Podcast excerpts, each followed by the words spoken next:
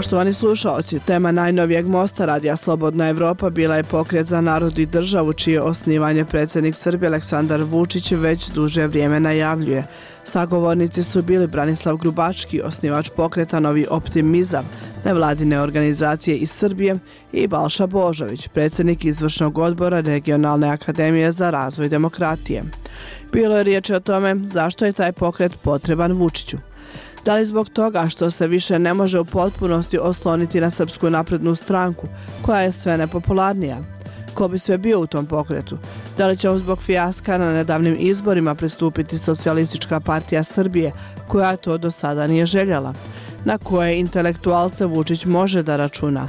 Da li na one iste koji su se našli na spisku od 2000 javnih ličnosti koji su podržale Vučićevu listu na decembarskim izborima i da li će pokret za narod i državu funkcionisati kao politička stranka ili će to biti samo platforma za okupljanje pristalica Vučića. Razgovaralo se i o tome da li je u osnovi pokreta ideja o sabornosti koja poziva Srbe da budu jedinstveni i da stanu iza jednog vođe. Da li će pokretu za narod i državu pristupiti i Srpske partije iz BiH i Crne Gore, što bi osnažilo projekat takozvanog srpskog svijeta. Da li je osnovni cilj pokreta da obezbedi da Vučić to duže ostane na vlasti, možda i doživotno? Zašto pokret do sada nije osnovan, iako je njegovo formiranje Vučić najavio prije godinu i po dana? Kao i o tome da li će nakon njegove nedavne najave to konačno biti učinjeno. Most je pripremio Omer Karabeg. Most Radija Slobodna Evropa. Dialogom do rješenja.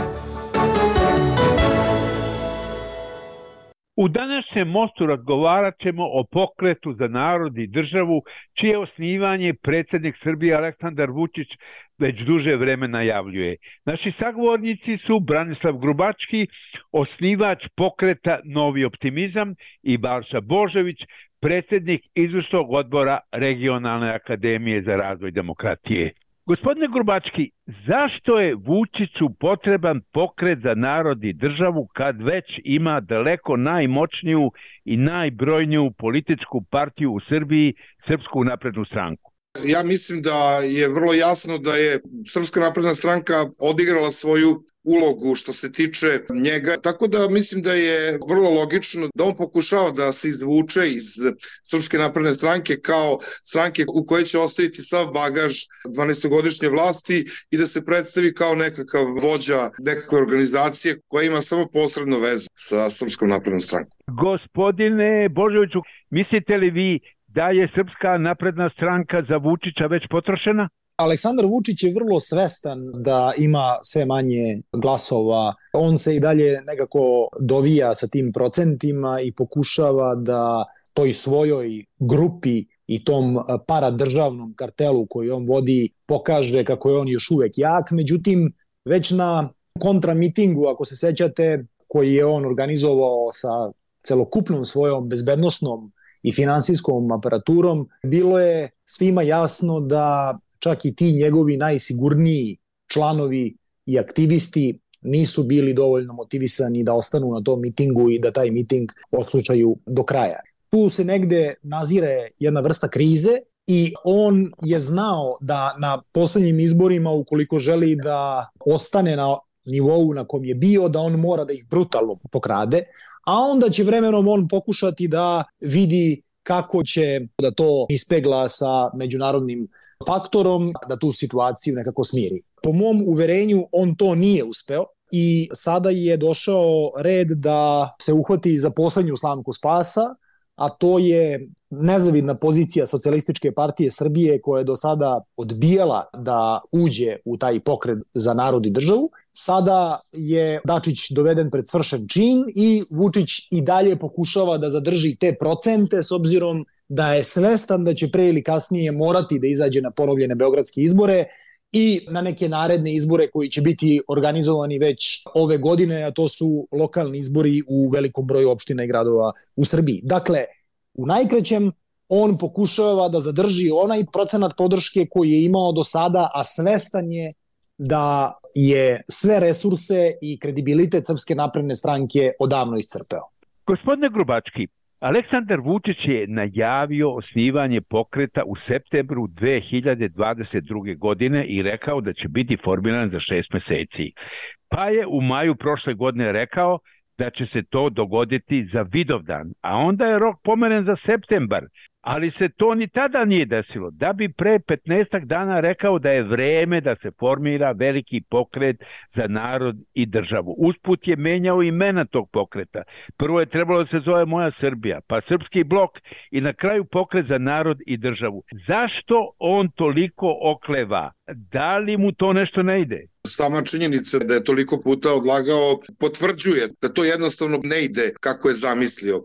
A ne ide iz vrlo praktičnog razloga sve manje aktera veruje u to da je održiva vlast Aleksandra Vučića na duži period. I mnogi ljudi koji su bili na granici da li da se uključe ili ne, ja mislim da su reterirali i da su našli nekakav izgovor da se ta cela stvar oduži. Posle tragedije u Ribnikaru i selima oko Mladenovca i Smedereva, on je to kao neki očajnički potez na tom kontramitingu najavio, ali nije bilo dovoljno političke volje njegovih e, potencijalnih saradnika da se uključe na način na koji je on to zamislio. Taj njegov pokret je vrlo problematičan želja da se praktično u njegovom liku i delu personifikuje ceo narod i država, podsjeća na lokobnu poruku jedna zemlja, jedan narod, jedan čovek. On želi da pod svojim imenom i pod svojim političkim kapacitetom drži celo jedno društvo i državu.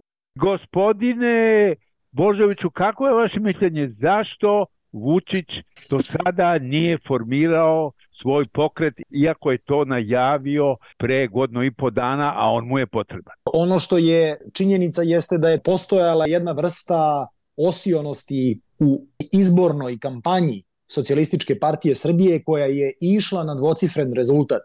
Ako se sećate slogana Ivica Dačić premijer, to je veoma iritiralo Aleksandra Vučića i nije mu davalo prostora da uspešno formira pokret za narod i državu, s obzirom da njegov najjači partner nije želeo da bude deo toga. Sada, nakon ovih izbora, kada je Ivica Dačić doživao potpuni fijasko, da bi preživela socijalistička partija Srbije, ona danas mora da uzme sve što je Vučić nudi. On nudi, naravno, brisanje identiteta, ali očigledno da Ivici Dačiću nema druge, dakle sateran je u čošak. Isto tako se dešava sa mnogim drugim. Na izborima nisu prešli cenzus neki patriotski blokovi i neke stranke koje su formirane da bi dezavuisale i odvukle jedan broj glasova od desnice. Desnica je opoziciona razbijena pred izbore i ona je služila Vučiću da on uzme nekoliko procenata više. Oni su odradili svoj deo posla, sada i oni se politički oživljavaju i ubacuju u taj pokret u narodu državu. I naravno tu će biti mnogih poput gospođe Čomić koja je na neki način bila personifikacija demokratske vladavine u 10 godina, naći će još nekoliko ljudi iz tog perioda vlasti demokratske stranke sa kojima će mahati i pokušati da taj pokret predstavi kao neki catch-all pokret od levice do desnice, u kojem će sugerisati građanima da zapravo postoji samo jedna partija sa njim kao vođom na čelu. I tu bih se složio sa gospodinom Grubačkim, dakle, jedan narod, jedna država, jedan vođa, to je slogan nacističke Nemačke u oči drugog svetskog rata i to je nešto što će on pokušati da iskoristi i da uključi, ovo je sada jako važno, i Dodika, pa čak i opoziciju iz Republike Srpske, i da na neki način sugeriše da i korpus srpskih stranaka iz Crne Gore takođe će biti blizak tom pokretu, jer će oni to pokušati da predstave kao patriotski čin, a svako ko je protiv toga biće izdajnik. Da li mislite da će to na neki način biti sve srpska politička partija koja će u stvari na neki način biti regionalna partija? Tako je, ona ide uz tu ideologiju srpskog sveta, ona će podržavati sve one intencije i spoljne politike koje je do sada promovisao Vulin, Dodik i mnogi poput njih i oni će na neki način pokušati da se predstave kao veoma važan faktor mira i stabilnosti.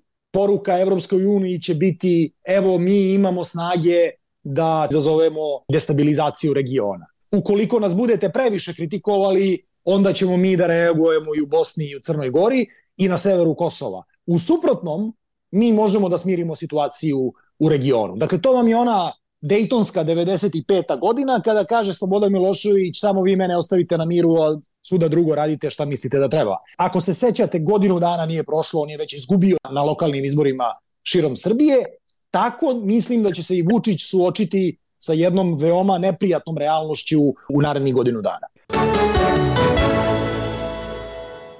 Poštovani slušalci, pratite Most Radija Slobodna Evropa u kome se razgovara o tome zašto je predsjedniku Srbije Aleksandru Vučiću potreban pokret za narod i državu, čije osnivanje već duže vreme najavljuje. Sagovornici su Balša Božović, predsjednik izvršnog odbora Regionalne akademije za razvoj demokratije i Branislav Grubački, osnivač pokreta Novi optimizam nevladine organizacije Srbije. Voditelj je Omer Karabeg.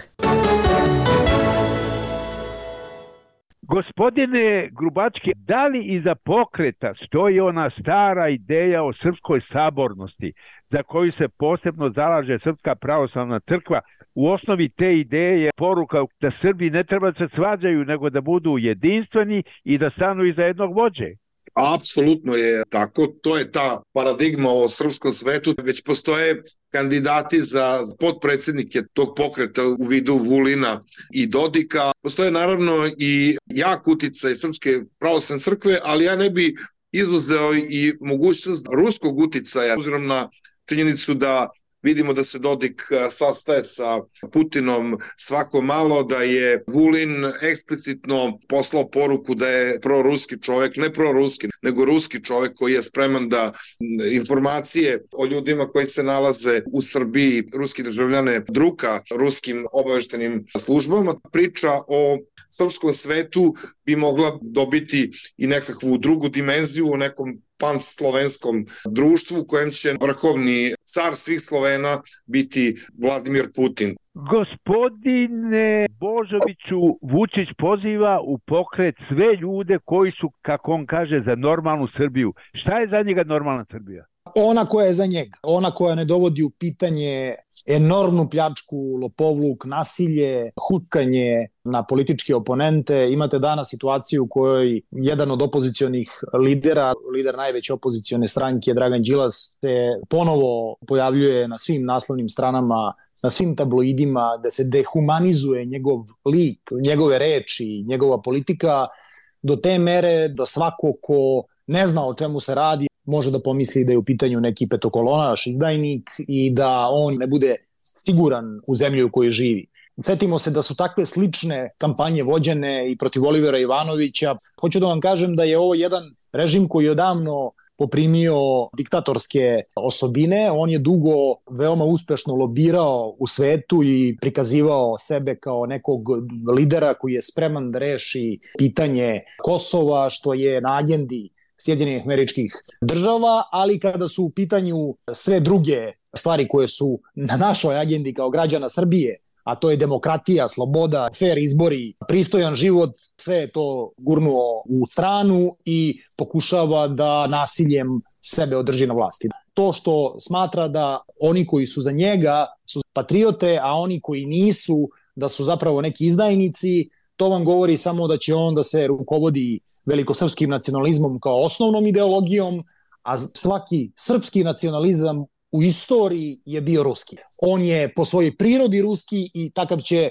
biti i u buduće. Dakle, uticaj Rusije u tom smislu u regionu kroz Srbiju i u samoj Srbiji će biti mnogo veći nego što je bio i do sada. Gospodine Grubački, Vučić kaže da se njegov pokret bori za normalnu Srbiju. Šta je za Vučića normalna Srbija? Normalna Srbija se menjala kroz ovih 12 godina, odnosno njegova percepcija o normalnoj Srbiji. Vučić kada je došao na vlast, tada je citirao Webera, pokušao da se nekakvim prozapadnim intelektualcem sam sebe proglasi i pokušao da animira intelektualnu javnost Srbije. I bez obzira na to što bi ja mogao imati primetbe na intelektualnu elitu Srbije koja nije u dovoljnoj meri pružila otpor ne samo Aleksandru Vučiću, nego uopšte nameri da se jedno društvo pretvori u ovo što se pretvorilo, on nije uspeo da okupi oko sebe nijednog intelektualca od kapaciteta i od integriteta ta činjenica da ga građanska i normalna Srbija nije prihvatila, on je to kao veliku uvredu shvatio i praktično on se sada sveti i on pokušava da kazni tu normalnu Srbiju koja nije prihvatila tu njegovu normalnost. Izvinite gospodine Grubačke, ali čini mi se da ipak dobar deo intelektualne elite, sad ne govorim o ovoj građanskoj Srbiji, podržava Vučića. Sjetimo se spiska od 2000 javnih ličnosti koje su oči decembarskih izbora podržale Vučićevu listu Srbija ne sme da stane. Među njima je bilo, pa se 325 profesora univerziteta, 68 dekana i prodekana, 7 rektora, 8 projektara i gomila doktora jeste velika brojka, ali kada bi malo analizirali ko su ti ljudi, mogli bi vrlo lako otkriti da su to većina ljudi koji su skloni korupciju, odnosno da je moguće raznim benefitima i, i raznim privilegijama pridobiti taj deo intelektualne elite. To su većinom bezlični profesori, znači ne postoji tu nekakva ozbiljna imena sa ozbiljnim delom intelektualnim. Gospodine Božoviću, mislite li vi da će Vučić uspeti da u svoj pokret za narod i državu okupi i dobar deo intelektualne elite. Evo, pomenuli smo koliko ih je podržalo njega na izborima. Dominantna intelektualna elita u Srbiji je nacionalistička. Ona je to uvek i bila. 80. godina, ako se setimo memoranduma, SANU, iako nije bio zvaničan dokument, bio je dokument oko koga se okupio najveći broj intelektualaca u Srbiji. Naravno da postoji jedan deo onih koji zagovaraju demokratiju i slobode i oni su se okupili oko proglasa. Naravno da je uvek bilo onih koji su imali drugačiji ton i koji su videli Srbiju na zapadu. Međutim, ako ćemo da pričamo iskreno, na univerzitetu, u akademiji, u svim ostalim institucijama, ogromna većina intelektualaca su za režim, oni su podržavali Miloševića 90. godina, Koštunicu nakon promjena 2000-ih i naravno sada podržavaju Aleksandra Vučića neizostavno. Radi se takođe i o jednoj hiperprodukciji takozvanih intelektualaca, gde doktoriraju masovno oni koji su pogodni režimu. Kada malo više zagrebete, mnogi profesori ne ispunjavaju najosnovnije kriterijume i uslove da bi mogli da predaju na e, univerzitetu Beogradskom, a s druge strane imaju podršku duboke države, odnosno paradržavnog miljeja koji je okupljen nekad oko Miloševića, danas oko Vučića. To uopšte ne čudi. Takva je situacija u, u Srbiji decenijama, ali ono što ohrabruje i to moram da podvučem, jeste da je sve veći broj mlađih intelektualaca, rekao bih oni koji su se obrazovali ne samo u Srbiji, nego i u inostranstvu, pa su ostali u, u veoma bliskoj vezi sa, sa Srbijom, koji podižu svoj glas, koji su okupljeni oko proglasa, koji su potpisali taj apel i koji su i na ovim izborima pokazali da ne žele da ćute, već su veoma hrabro podigli svoj glas. Čak neki od njih su bili i aktivno uključeni u izborni proces. Gospodine Grubački, da li će Vučićev pokret funkcionisati kao politička stranka koja ima svoje odbore na terenu ili će to biti nekakva krovna organizacija koja će okupljati sve stranke koje dele njenu ideologiju. Jer ako bi oni krenuli sada da osnivaju svoje odbore na terenu, to bi strašno koštalo. Odakle pare za to? Ja mislim da ne postoji više snage i kapaciteta u režimu Aleksandra Vučića da pravi organizaciju novu. To će biti jedna platforma, jedan provizori u kojem se Aleksandar Vučić najbolje snalazi. Srpska napredna stranka, bez obzira što je vrlo ozbiljna mašinerija Kažu proizvodi... da ima 700.000 članova. Mislim da to je apsolutno prenaglačeno. Ne verujem da postoji više od par stotina hiljada ljudi koji aktivno učestvuju u radu Srpske napredne stranke. Ona je napravljena kao kriminalno-koruptivna kobotnica koja se bavi jedino održanjem Aleksandra Vučića i njih sami na vlasti. To su ljudi koji su osetili da je njihov trenutak došao da ostvare nekakve ambicije koje regularnim putem i normalnim putem nikada ne bi mogli. Sa Srpskom naprednom strankom je to doživelo neslučene razmere. Ne mislim da je ovaj rebranding i redizajn Srpske napredne stranke u ovaj pokret nešto što će suštinski promeniti način delovanja Srpske napredne stranke. Poštovani slušalci, pratite Most Radija Slobodna Evropa u kome se razgovara o tome zašto je predsjedniku Srbije Aleksandru Vučiću potreban pokret za narod i državu, čije osnivanje već duže vreme najavljuje. Sagovornici su Branislav Grubački, osnivač pokreta Novi optimizam, nevladine organizacije Srbije i Balša Božović, predsjednik izvršnog odbora Regionalne akademije za razvoj demokratije. Voditelj je Omar Karabek. Gospodine Božoviću, mislite li vi da će pokret za državu i narod funkcionisati kao politička stranka? Ona će imati ovaj sistem kakav je imala i do sada Srpska napredna stranka, ali će funkcionisati po, rekao bih, pravilima tribine navijačke. Imali ste prilike da vidite kako izgleda Narodna skupština Republike Srbije i kako je to kada u njoj govori Aleksandar Vučić i kakve su to salve oduševljenja njegovih partijskih saradnika, koje su zaista tragikomične. Tako će isto taj pokret delovati u javnosti. Na svaku kritiku Vučića javit će se desetine onih u medijima koji će otvorenim pismima braniti njegovu porodicu koju niko naravno nije napadao ili braniće Aleksandra Vučića od nekih raznih atentata koje niko nije takođe pominjao niti na njih pozivao. Dakle, hoću da vam kažem da se tu će se malo šta promeniti, a on će pokušati sa tim novim pokretom da ubere još one neodlučne ili one poput srpskih radikala ili zavetnika ili ne znam dveri ili tako nekih partija koje su imale nekoliko postotaka na izborima, njemu sada sve to znači jer je u pitanju njegov politički opstanak. Mislite da će on na izborima nastupati kao pokret za narod i državu? I da će Tako u okviru je. toga onda biti sve ostale stranke, uključujući i Srpsku naprednu stranku. Tako je, on će pokušati da napravi taj jedan novi brend, pretpostavljam da će imati i novi neki logotip. I sada već nekoliko ciklusa izbora ne postoji Srpska napredna stranka u nazivu liste koje predvodi Aleksandar Vučić. Srpska napredna stranka je sakrivena iza raznih slogana i imena Aleksandra Vučića. Gospodine Božoviću, da li će Srpska napredna stranka biti okosnica ili će se potpuno utopiti u pokreti? Taj pokret će se osloniti na strukturu postojeće Srpske napredne stranke. I dalje će šef te kampanje da bude predsednik izvršnog odbora Srpske napredne stranke i dalje će ti ljudi na terenu biti isti ovi kriminalci koji idu, kupuju glasove, zastrašuju ljude i tako dalje. Dakle, sve će ostati isto s tim što će on samo pokušati da marketinški drugačije upakuje i sebe, a drugačije da upakuje i one koji se Srbija odavno zasitila. Mislite isto samo o novom pakovanju? Tako je. Gospodine Grubački, a da li je pravi cilj osnivanja pokreta za narod i državu da se Vučićeva vlast produži po mogućnosti još koji deseta godina, ako ne i doživotno? Ne sumnjam da postoji želja i kod njega, a i kod vrhuške Srpske napredne stranke da se ovaj period e, nikada ne prekine.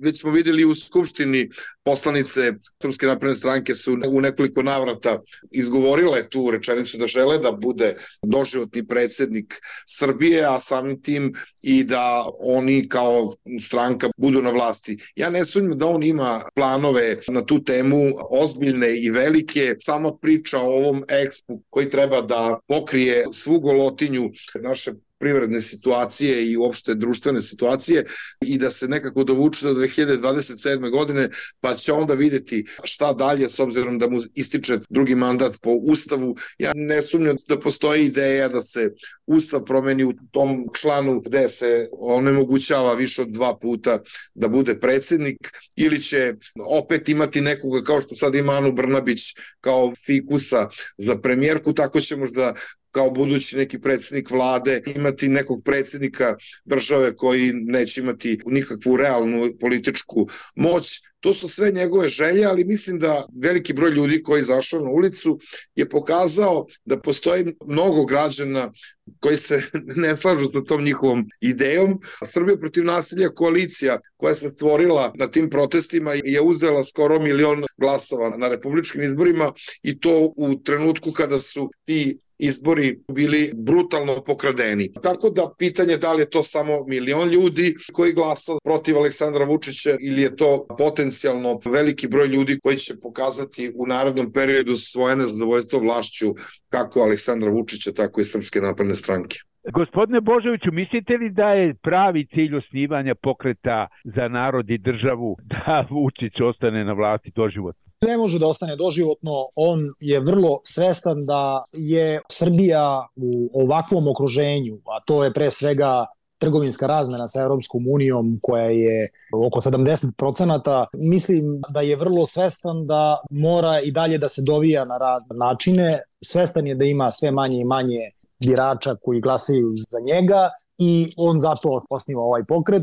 Prvi put kada bude izgubio izbore na nekoj važnoj tački poput Beograda ili Novog Sada, gde je čak razlika bila čini mi se i manja nego u Beogradu, mislim da će to ohrabriti i druge ljude da se u mnogo većoj meri odazovu pozivima proglasa ili udružene opozicije, proevropske, i svaki njegov gubitak na lokalnim izborima znači će podršku opozicije. Ljudi su uplašeni, i ljudi su u strahu. Aleksandar Vučić pravi jednopartijski pokret za narod i državu i pokušava da Srbiju uvede pod jednu kapu. Opozicija mora da organizuje kontrateg tom pokretu i što taj kontrateg bude bio teži, to će strah biti manji. Biće mnogo više onih koji će se oslobađati od straha i koji će izlaziti iz državne uprave, iz tužilaštva, iz policije, iz vojske. Aleksandar Vučić radi jednu veoma opasnu stvar. On je navikao da zateže kada dođe do krize. On je uhapsio predsednika vojnog sindikata nezavisnog u Srbiji. To radi često po manjim mestima, mada to onako prođe dosta nezapaženo, ali on je već počeo da se obračunava sa onima koje ne može da kupi. On je se isto tako ponašao posle Ribnikara i Mladenovca. Počeo je da zateže umesto da relaksira atmosferu i da kaže da su opravdano građani zabrinuti, ljuti i da svako ima pravo da izađe na ulice. Ne, on je njih proglašavao izdajnicima i taj protest je bio sve veći i veći. Na kraju je njegov kontramiting propao. Hoću da vam kažem da on po staroj logici ide silom i mislim da će mu se to kao bumerang vratiti i da će mu se takav odgovor na političku krizu obiti u glavu. I na kraju u zaključku, gospodine Grubački, mislite li da će pokret za narod i državu uskoro zaista biti osnovan? Ima li indicija da su pripreme u toku ili će opet doći do odgađanja? Ja se vrlo nadam da se taj pokret neće ni napraviti i da je to jedan manevar koji on pokušava da napravi ne bi li se izvuko od, od ove situacije koja mu uopšte ne ide u prilog posle rezolucije Evropskog parlamenta i velikih demonstracija koje su bile svih ovih meseci i da ta njegova nakana da skrene pažnju sa problema koji opterećuju Srbiju na način da se priča o nekakvom novom pokretu u kojem će naravno opet on dominirati, ja mislim da se to možda ni neće dogoditi. Gospodine Božoviću, ima li indicija da su pripreme u toku za osnivanje pokreta za narod i državu ili će opet doći do odgađanja? Mislim da ovog puta neće doći do odgađanja jer Vučić mora da izvadi novog zeca i šešira. On više nema mnogo opcija, to mu je jedna od poslednjih slamki za koju će se uhvatiti. Ono što je izvesno jeste da će se to dogoditi. Međutim, ono što se nadam da će se dogoditi, a opet ima indicija da se takođe i to sprema, da će se ujedinjenje opozicije nastaviti u još većoj meri i omasovljenje opozicijonih stranaka u još većoj meri i da će uspeti ova koalicija da opstane, da će tu prići i mnogi pojedinci i ugledne ličnosti iz javnog života i da će se napraviti kontra teg, kontra teža tom pokretu, što je suštinski važno da bi Srbija preživela. Dobro, ako se slažete, ja bih sada završio ovaj razgovor. Hvala gospodine Grubački. Hvala vam. Hvala gospodine Božoviću. Hvala vama i vašim slušalicima. Bio je to most u kome su naši sagovornici bili Balša Božović, predsednik izvršnog odbora Regionalne akademije za razvoj demokratije i Branislav Grubački, osnivač pokreta Novi optimizam. Poslednik u razgovoru bio je Omer Karabek. Most Radija Slobodna Evropa. Dialogom do rješenja. Bilo je to sve u ovom izdanju programa Radija Slobodna Evropa. Ostanite i dalje sa nama, pratite nas na našem sajtu kao i na društvenim mrežama. Do narednog slušanja.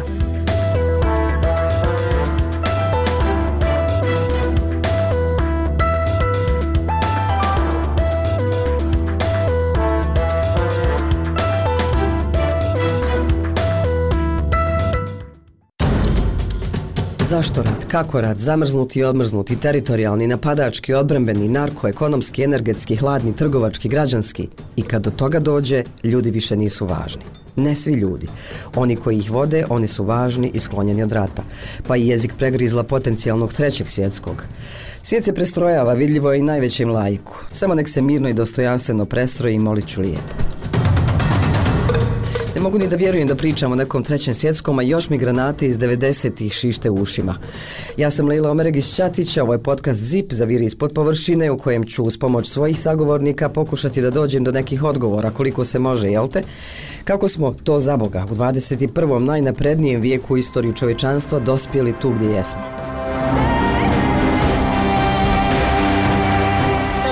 Avetis Anna. On je dječak, njegovo ime je Avetis. Rodio se i onda je počeo rat. Napustili smo svoje domove i došli ovamo. Proveli smo nekoliko dana u podrumu, a zatim u bunkeru. Imam sedmoro djece. Sva ova djeca su moja. Vidjeli su tri rata. 2016. 2020. i ovaj sad 2023. Svako je podnio najveći teret i iskusio okrutnost svakog od ovih ratova. Iz mira počinje rat da bi se borili za mir. Je li se i vama čini nešto duboko pogrešno i absurdno u tome? Ok, takva moja pretpostavka je možda naivna ako uzmem obzir istoriju ratova, nerazriješene konflikte iz prošlog ili prošlih vijekova, grupne ili lične političke, finansijske, energetske interese i još lako zapaljevi ideologije, populizam, dogme i još sva čuda interneta, društvenih mreža, vještačke inteligencije. Ogromni jaz između siromašnih i bogatih i Tukididovu zamku koja će kasnije biti pojašnjena. Ima ratova i mirova istovremeno u kojima ljudi žive i umiru skupa već decenijama, pa se i ne može reći gdje počinje rat i završava mir i obrnuto. Ali primijetili ste, jezik poznaje samo jedninu za mir. Nema mirova, ima mir, iako nije u svjetskoj jednini, u neprestanoj smo opasnosti i sve nas se tiče. Prema Global Conflict Trackeru, u svijetu se trenutno vodi 30 ratova. Tracker ih kategorizira u tri grupe, pogoršane, nepromijenjene i poboljšane, od kojih je samo 10 iz zadnje dvije kategorije. Ostali su iz prve pogoršane. U ovom zipu zavirit ću ispod površine ratova zajedno sa svojim sagovornicima. O fenomenu ratova s geopolitičkog stajališta sa svojim kolegom, urednikom vanjske politike Balkanskog servisa Radija Slobodna Evropa Draganom Štavljaninom, a o antropologiji ratova sa profesorom na Sarajevskom filozofskom fakultetu, antropologom Stefom Jansenom. I da odmah riješimo pitanje brutalnosti ratova 21. vijeka, odnosno tehnološki najrazvijenijeg upravo te tehnološke mogućnosti na neki način dehumanizuju čoveka, pa na neki način rat postaje kao video igrica. To je nešto što, što deluje zastrašujuće i ja se upravo bojim da, da ta lakoća, jer ranije ste vi imali problem, recimo ako vi pokrenete, Amerika se povukla iz rata u Vjetnamu zbog velikog pritiska javnosti koja više prvo mladići nisu htjeli da idu u vojsku kao regruti, a s druge strane javnost nije mogla da podnese taj broj stradalih oko 50.000 Amerikanaca. To je bio veliki pritisak javnog mjenja i Nixon je donao odluku da taj rat završi. Ako vi danas možete da šaljete po neku drugu zemlju dronove i druge tehnološke novotarije koje će ostvariti vojne ciljeve da ne stradaju vaši ljudi, znači ta lakoća s kojom će raznorazni lideri vojskovođe, pogotovo autoritarne i autokratske donositi, to deluje prično zastrašujuće. Ja ne vidim nikakve indicije da tehnološki napredak doprinose miru. Naprotiv, jako puno tehnološkog napretka nije samo pomogao da je ratovanje i šire i žešće e, ratovanje, nego je izmišljeno zbog ratovanja. Znači, cilj je bio da se efikasnije ratuje. Tako da ne vidim kako bi tehnološki e, napredak moglo biti povezan sa mirnim e, životom na, na ovoj planeti. Naprotiv.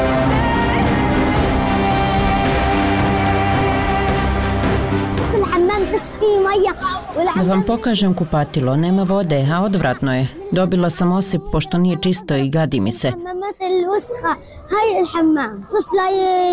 Voljela bih da mogu biti normalno dijete koje živi bez rata, bez raketa, kako bismo se sigurno vratili kući. Treći svjetski rat je počeo, a mi smo još u drugom. Jedan je od komentara koji sam jednom pročitala na Instagramu i odnosi se na ovdašnje prostore. Tragikomičan je i dubok po više nivoa, pa s kolegom Štavljaninom razgovaramo o istoriji ratovanja, vezama i poređenjima s današnjom geopolitičkom situacijom, u tom kontekstu i sve češćem pominjanju trećeg svjetskog i nesretnoj Tukididovoj zamci. Dakle, istorija sveta koju gledamo posljednjih nekoliko vekova imala te neka ciklična kretanja gde su se menjali odnosi snaga, principi na kojima svet funkcioniše, ko je hegemon, ko su ostale velike sile, nadmetanje pokuše da se svrgne hegemoni, a za prelazna stanja kada su se menjala pravila i menjali odnosi snaga, odnosno odnosi moći, ona su zapravo najnestabilnija i najrizičnija u smislu ratova. To je bilo recimo kada je Portugalija kao prvo kolonijalna sila, pa Španija kao druga najjača najjača kolonijalna sila, pa je došla Holandija, pa su se onda pojavili Francuska i Britanija, pa onda kada je Britanija koja je vladala svim morima i ne znam sa četvrtinom planete ustupila mesto SAD-u, dakle sa padom Berlinskog zida, kad smo mi triumfalno mislili da demokratija pobeđuje, kako je to napisao Fukuyama kraju istorije, kao znači jedno permanentno, permanentno stanje dominacije liberalne demokratije, globalne harmonije sa globalizacijom pokazalo se da stvari ne stoje tako i da sada po prvi put od moderne, dakle još od vremena humanizma i renesanse, kasnije nešto prosvetiteljstva, ne zapadni akteri dovode u pitanje, kako oni to kažu, zapadnocentrični sistem koji je funkcioniše poslednjih nekoliko vekova i da je ta smena hegemona bila unutar tog zapadnog narativa, ovo što sam pomenuo od Portugalije, pa do SAD-a. Sada imamo ne zapadne aktere, mada Rusija delimično, da kažem, uslovno rečeno, deo tog zapadnog civilizacijskog kruga, ali da ulazimo te detalje, ali mislim na Kinu, mislim na Indiju, na neke druge, koji žele da taj e, globalni poredak se e, promeni. Naravno, oni takve zahteve postavljaju na osnovi neke svoje moći koja je sve veća, pre svega Kine, E, takođe principi na kojima funkcioniše sve, dakle globalizacija, liberalni internacionalni poredak, liberalna demokratija se dovode u pitanje i nekih drugih nedemokratskih autoritarnih tendencija, neliberalna demokratija, dakle kao posledicu svih tih pomeranja koja traju već više godina, pa da kažem i decenija, da ne zaboravimo, prvi ti neki poremećaji su bili kada je, su SAD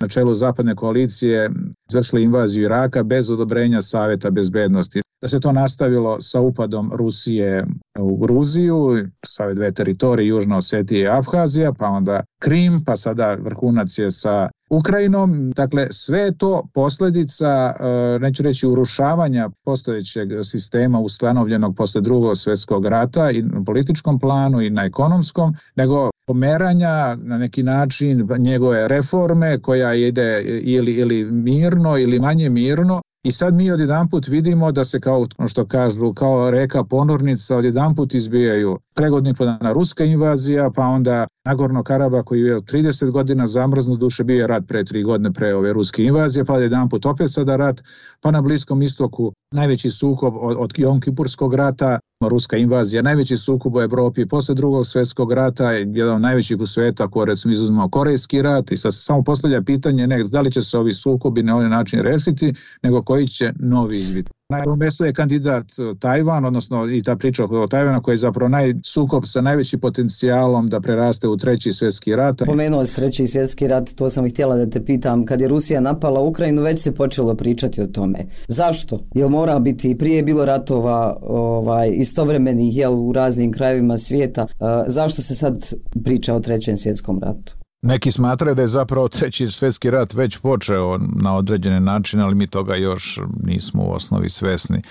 E, bojim se veoma nepovoljnih raspleta i mračnih scenarija jer smo došli u fazu u kojoj i neki izolovan incident može lako da izazove nekontrolisanu spiralu sukoba kao što je to bio Sarajevski atentat 1914. Da ne pominjem i opasnost od upotrebe nuklearnog oružja A osim tog incidenta treba pomenuti čuvenu Tukididovu e, zamku. Naime, e, istoričar Tukidid piše o situaciji u petom veku pre nove ere, kada je Sparta strahovala jačanja vojne moći Atine i onda je se ona dodatno naružavala. To je izazivalo podozrenje i strah uh, Atine i ona se dodatno naoružavala i to je dovelo do Peloponeskih ratova. Mi smo sada svedoci, dakle, na modern način primjene Tukididove zamke, gde Kina nastoji da pristigne SAD.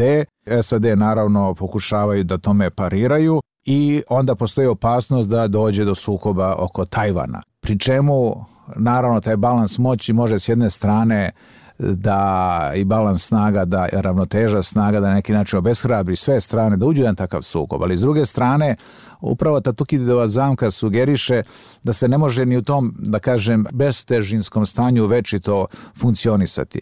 Naime, ako Kina, na primjer, bude previše odugovlačila napad na Tajvan, To se može protumačiti i kao slabo sadašnjeg režima u Pekingu, a i da susedi koji strahuju jačanja vojne moći Kine mogu da pomisle da Kina nije baš tako snažna i da ne treba da strahuju.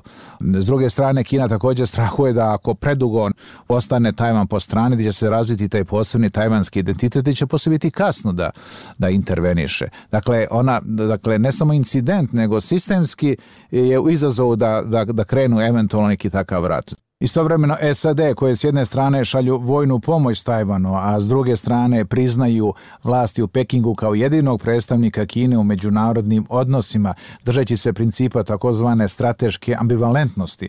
Ukoliko bi u slučaju napada Kine na Tajvan ostale po strani, dakle ako ne bi intervenisale na strani Tajvana, to je bio signal svim ostalim zemljama u okruženju da SAD više nisu strateški prisutne i dominantne u Aziji i da se pojavio, da kažem, novi gospodar, novi vladar u Aziji, a to je Kina, kojoj bi se te zemlje iz okruženja morale prikloniti i prihvatiti njegovu neospornu ulogu i uticaj.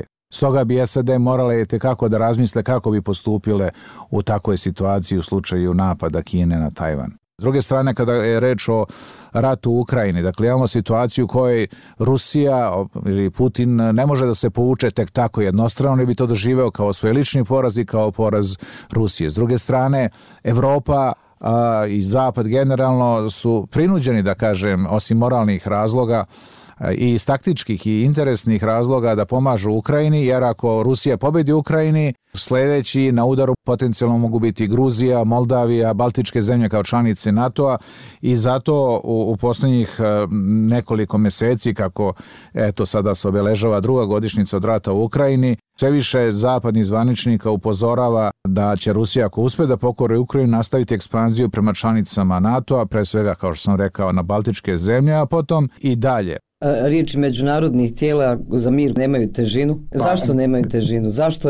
Pa nemaju težinu zato što živimo u svetu u kome tako danas Ujedinjene nacije deluju paralizovano. Zašto? Zato što ko čini Ujedinjene nacije? Čini zemlje članice. I ako ne postoje, ako ne postoji konsenzus o ključnim principima na kojima se uređuju i upravlja međunarodnim, odnosno svetskim odnosima, ako oni zavise od interesa, od savezništava, od odnosa snaga, odnosno od odnosa moći, onda će naravno biti paralizovani i onda će kao i u ovoj priči sada oko Izraela, sve to što govore tamo neki eksperti Ujedinjenih nacija ili što govore neke komisije za ljudska prava, to što kažu pada na, na, na gluve uši i to, i to je opasnost. Dakle, mi živimo u svetu u kome ne postoji elementarni konsenzus o principima na kojima međunarodni poredak treba da funkcioniše i to je izvor velike nestabilnosti i velikih rizika koje lako mogu da skliznu u, u, u rat. Kada je počeo prvi svetski rat, e, nikoga tada nije zvao svetskim ratom. Bio nazivan takozvani veliki rat koji je imao za cilj da nakon njega se ukine mogućnost pojave e, bilo koga rata. Takođe, kada je izbio taj rat sukobom Austro-Ugarske i Srbije, mislilo se da će biti lokalni rat u kome će Austro-Ugarska brzo da kazni Srbiju za, za atentat u Sarajevu. Čuveni britanski ministar inostranih poslova Edward Grey je rekao opet jedno dosadno leto, Austro-Ugarska je objavila rat Srbiji, za mesec dana cela Evropa je bila u ratu. Te kasnije je upotrebljena ta sintagma prvi svetski rat. Drugi svetski rat naravno izbio kako je izbio I već pred kraj drugog svjetskog rata se govorilo kada se, se videlo da će nakon drugog svjetskog rata, iako su bili na istoj strani Sovjetski savez s jedne i uh, zapadne zemlje s druge, da će doći do ideološke podele svijeta, već se tada govorilo o opasnosti od trećeg svjetskog rata. Čujena izjava Alberta Einsteina je dakle bila i odmah posle drugog svjetskog rata, kad su Amerikanci potrebili nuklearno oružje, pa su ubrzo do njega došli u njegov posjed i Sovjet je rekao kao, kad su ga pitali kako će se voditi treći svjetski rat, da ne zna, a da zna će četvrti svjetski rat voditi da toljagama i kamenjem. Dvojim nešto oko nuklearnog naružavanja. Da li je to garant svjetskog mira ili garant uništenja i samouništenja? Jel, onako razmišljala sam o tome u smislu balansa straha ili ono kao može se pojaviti neko i samo ajmo. E pa, kao što sam rekao malo pre za onu, onu sintagmu da je, da je ovo veliki rat e, na početku prvog svjetskog rata koji će ukinuti i dokinuti sve druge ratove, tako se isto smatralo da je pronalazak nuklearnog oružja garant da svet neće, e, ne samo da neće doći do te apokalipse, nego da će i ratovi biti sve manje vođeni. Međutim, mi smo vidjeli odmah posle drugog svjetskog rata taj korejski rat u kome su učestvovali i Amerika i Kina i Sovjetski savez indirektno i tako dalje, veliki sukob koji mogu isto preraste u, u nuklearni rat. Pa smo vidjeli kao šta se desilo na Kubi, na kraju je prosto pronađeno neka rešenja, dakle strah od destrukcije. To je paradoks, taj strah od upotrebe nuklearnog oružja koji će dovesti do kraja civilizacije, koji je od svih ovih decenija služio kao najzapravo važniji sistem odvraćanja, ni on više nije garant. Zašto? Pa neće doći do potpunog kraja civilizacije. Ljudi koji donose odluku ili će doneti odluku o eventualnoj upotrebi nuklearnog oružja, nadamo se da neće, oni će biti u specijalno izolovanim bunkerima iz koji će donositi odluke, stradaće običan sve, stradaće ogromna većina ljudi na ovoj planeti, a ti ljudi koji odlučuju to meni će ostati i kao nekoj novoj barci započeti neki, neki novi život uslovno rečeno. Dođe smo i do science fiction, jel? Da, da, da, pa, da nažalost to je realnost. Dakle, upravo to. E mi sada vidimo da te raznorazne stvari koje su bile science fiction, to je počelo sa 11. septembrom, taj napad terorista koji je bio nezamisliv do tada se desio i ne samo 11. septembar, on je bio početak mnogo, mnogo čega. To je kao neki duh iz boce koji je izašao i ja se bojim da on sada luta i ne, ne zna se u kom pravcu će otići. Možda zvuči ako apokaliptično. Ja ako na osnovu nekog svog skromnog životnog iskustva i onoga što sam pročitao, što znam, a naravno mnogo toga ne znam, nekako imam jedan realni osjećaj da je svet uvek prolazio kroz, vrlo često prolazio kroz neke velike izazove, kataklizme i tako dalje i uspeo je da nađe e, način kako da nastavi dalje. Ja mislim e, da će i naći i prevazići i ove faktore, dakle da neće doći do kraja, kako to kažete, u smaka sveta, kako bi rekli e, na, narodski. Naša je obaveza da ne vežemo ruke budućim generacijama jer oni imaju isto pravo. Ono što kažu borci protiv klimatskih promjena, mi već krademo od budućnosti. Posmatrana iz svemira, zemlja se doima mirno. Poput svjetlucavog, bijelo-plavog bisera treperi na crnoj podlozi svemira. U našem sunčevom sistemu još je sedam planeta. Međutim, svi su ti planeti mrtvi. Svemirski brod bez posade. Prema svemu što danas znamo o svemiru, život u njemu tek je velika iznimka, pravo svemirsko čudo.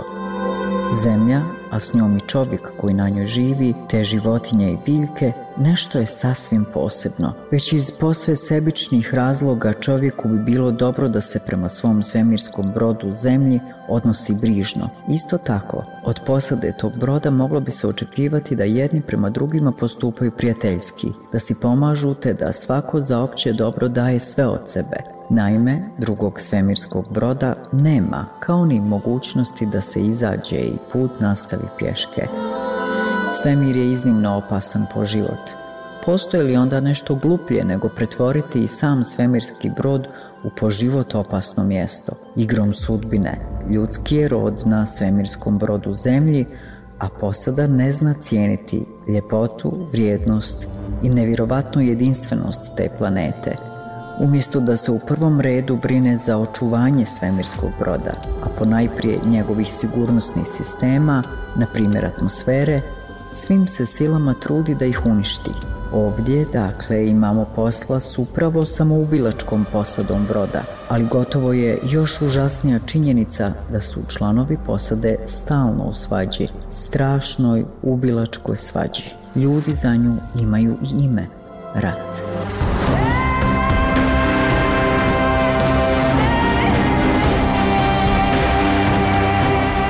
O svemiru, planetama, zemlji i posadi svemirskog broda bili su dijelovi iz knjige Knjige o ratu Zašto ljudi ne mogu živjeti u miru Gerharda Štaguna, njemačkog novinara i pisca. A sada da vidimo malo kako stvari stoje po pitanju antropologije rata. Razgovaram sa profesorom Sarajevskog filozofskog fakulteta, antropologom Stefom Jansenom.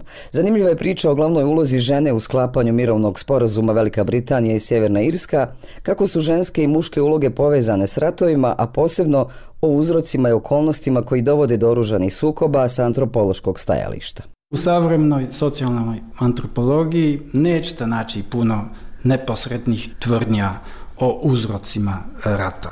Djelomično je to zato što antropolozi mnogo više istražuju posljedice rata. Tu često naglašavaju onda kako je rat jedan faktor u složenom sklopu nekom promjena koji uključuje i globalne političke i socioekonomske trendove i tako dalje. A drugi razlog zbog kojeg je teško govoriti o antropološkim e, uvidima, o uzrocima rata, leži u našem oprezu u vezi sa pitanjem koji počinju sa zašto. Pitanje zašto dolazi do rata bi zahtjevalo mnogo širu analizu koja obuhvata i geopolitiku i trgovinu oruža i borbe oko energetike i svakakve druge interese. Bilo bi kratkovidno tražiti uzrok bilo kojeg savremenog rata, prvenstveno u nekom lokalnom okruženju, kamoli u kulturi samih ljudi u tom lokalitetu. Smatram da naglašavanje e, takvih kulturnih razlika kao uzroke rata nas može odvesti u sasvim pogrešan smjer. Jer onda bismo mogli zaključiti da se pojedini ratovi dešavaju jednostavno jer su ljudi iz nekih kultura više skloni nasilju nego neki drugi ljudi. Meni je to problematično i ovdje u Bosni i Hercegovini ljudi to dobro i znaju. Jedan način na koji se na zapadu govorilo o postjugoslovenskim ratovima u 90-ima je baš tako. Da su oni proizvod nekakvih kulturnih crta ljudi na Balkanu. I uglavnom oni koji insistiraju na takvo objašnjenje rata, time sebe naravno predstavljaju kao superiorne, kao tolerantne, kao miroljubive. To je distanciranje od rata, a takva tumačenja zahtijevaju da se zaboravi na vlastita ratovanja. Na primjer na drugi svjetski rat, ali i recimo na u 90-ima na rat u Sjevernoj Irskoj koji je itekako trajao u isto vrijeme. Tako je i danas istina da već neko vrijeme nema rata um, u zapadnoj Europi i u sjevernoj Americi, ali iz toga ne možemo nikako da zaključimo da ta društva nisu u ratu. Samo se ti ratovi vode negdje drugdje, negdje daleko, svakako daleko za njih naravno. U tom kontekstu savremene antropološke studije rijetko traže objašnjenje prvenstveno u kulturi samih ljudi, u lokalitet gdje se dešavaju ratovi, a naprotiv mi najčešće pokušavamo da pokažemo povezanosti između dalekih ratova i nekih drugih pojava u drugim mirnim mjestima i one nam se možda čine potpuno odvojena, ali u stvari nisu. Klasičan primjer toga su istraživanje migracija na takozvanoj balkanskoj ruti. Mhm. U ovom kontekstu onda mogu da se dotaknem i ovog pitanja može li antropologija i kako doprinijeti e, razumijevanju i rješavanju ma ne može rješavanju, ali razumijevanju zamrznutih ratova ili izbijanju novih u svijetu. Jel? Ok, e, sigurno možemo doprinijeti razumijevanju. To i jeste glavni zadatak antropologije. Mi pokušavamo da gledamo na događaje, na društvene procese i pa i na ratove iz perspektive samih ljudi koji ih doživljavaju. Dakle, nas to najviše zanima. A najčešće se zato bavimo rutinskim svakodnevnim pojavama. Antropolozi to proučavaju na osnovi dugoročnih istraživanja na licu mjesta i trudimo se da se stavimo u tuđim cipelama, da, da gledamo društvenu realnost iz tuđe perspektive. To je sporiji metod, to je dubinski način istraživanja i tu je antropologija prilično drugačija od, od drugih nauka i to stoji kad je rat u pitanju. Recimo, ja sam pet godina nakon rata proučavaju pitanje povratka u sjeverno-istočnoj e, Bosni i Hercegovine i nije mi bio cilj da definišem povratak, da ga mjerim ili da uzimam jedan normativni stav e, po tom pitanju. Htio sam da razumijem kako povratak izgleda u praksi. Dakle, šta znači povratak za ljudi koji su u tom trenutku bili suočani s tom pitanjem? Da li se vraćaju ili ne, pod kojim uslovima, koji iz porodice će se vratiti i ko neće i tako dalje i tako dalje. Tako se i moja studija sve više vrtla oko pitanja u stvari doma i to je relevantno pitanje za sve nas. Šta je nama uopšte dom?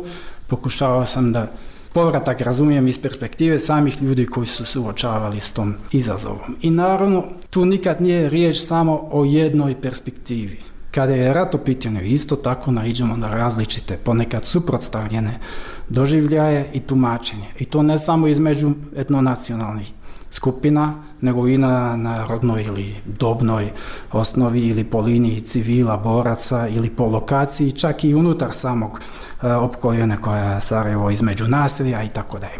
Dakle, to se sve tiče razumijevanja, ali vi ste pitali i šta antropolozi imaju ponuditi za rješavanje rata i zamrznutih a, sukoba. To je naravno mnogo teži zadatak. A tu bi spomenuo sklapanje mira u Sjevernoj Irskoj u 98. godini. U javnosti se stvara utisak da je tu sa britanske strane bio najbitni faktor Tony Blair.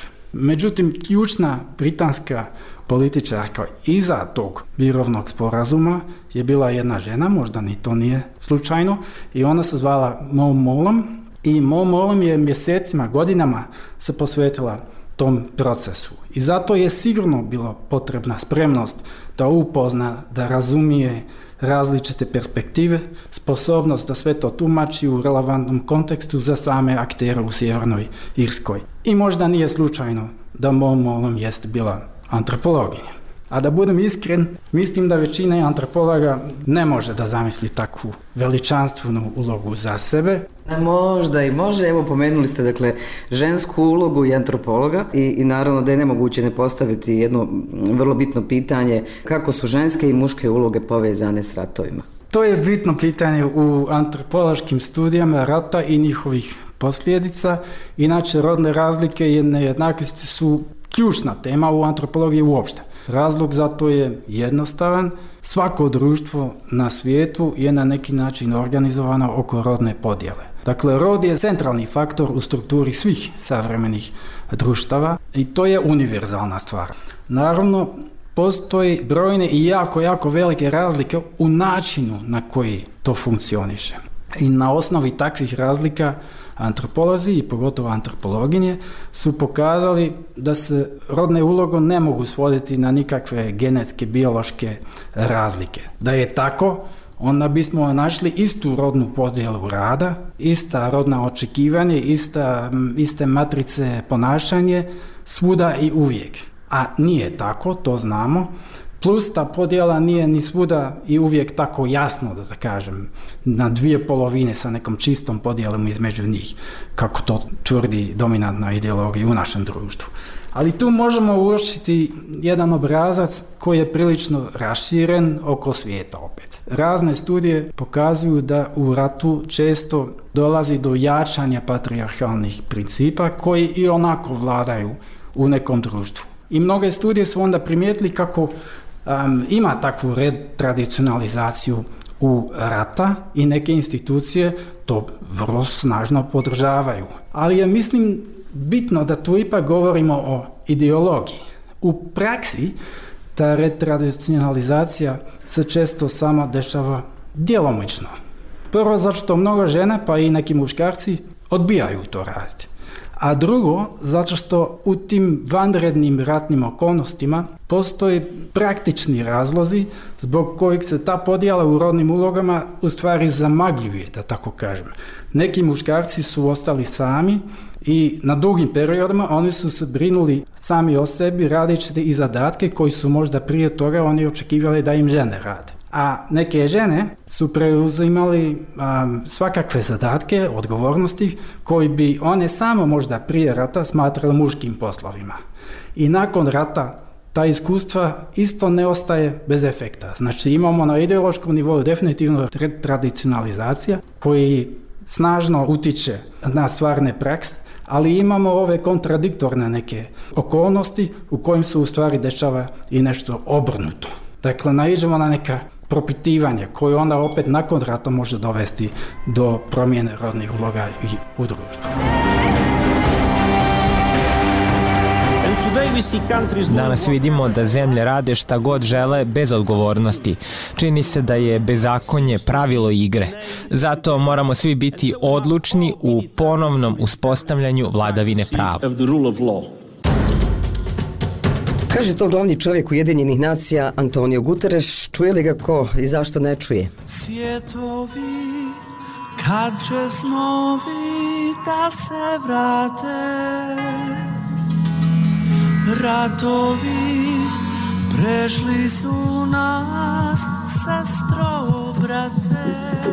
Kraj je priče o ratovima u podcastu Zaviri ispod površine. Kamo sreće kad bi se to moglo reći i za ratove. Da se pitaš sad,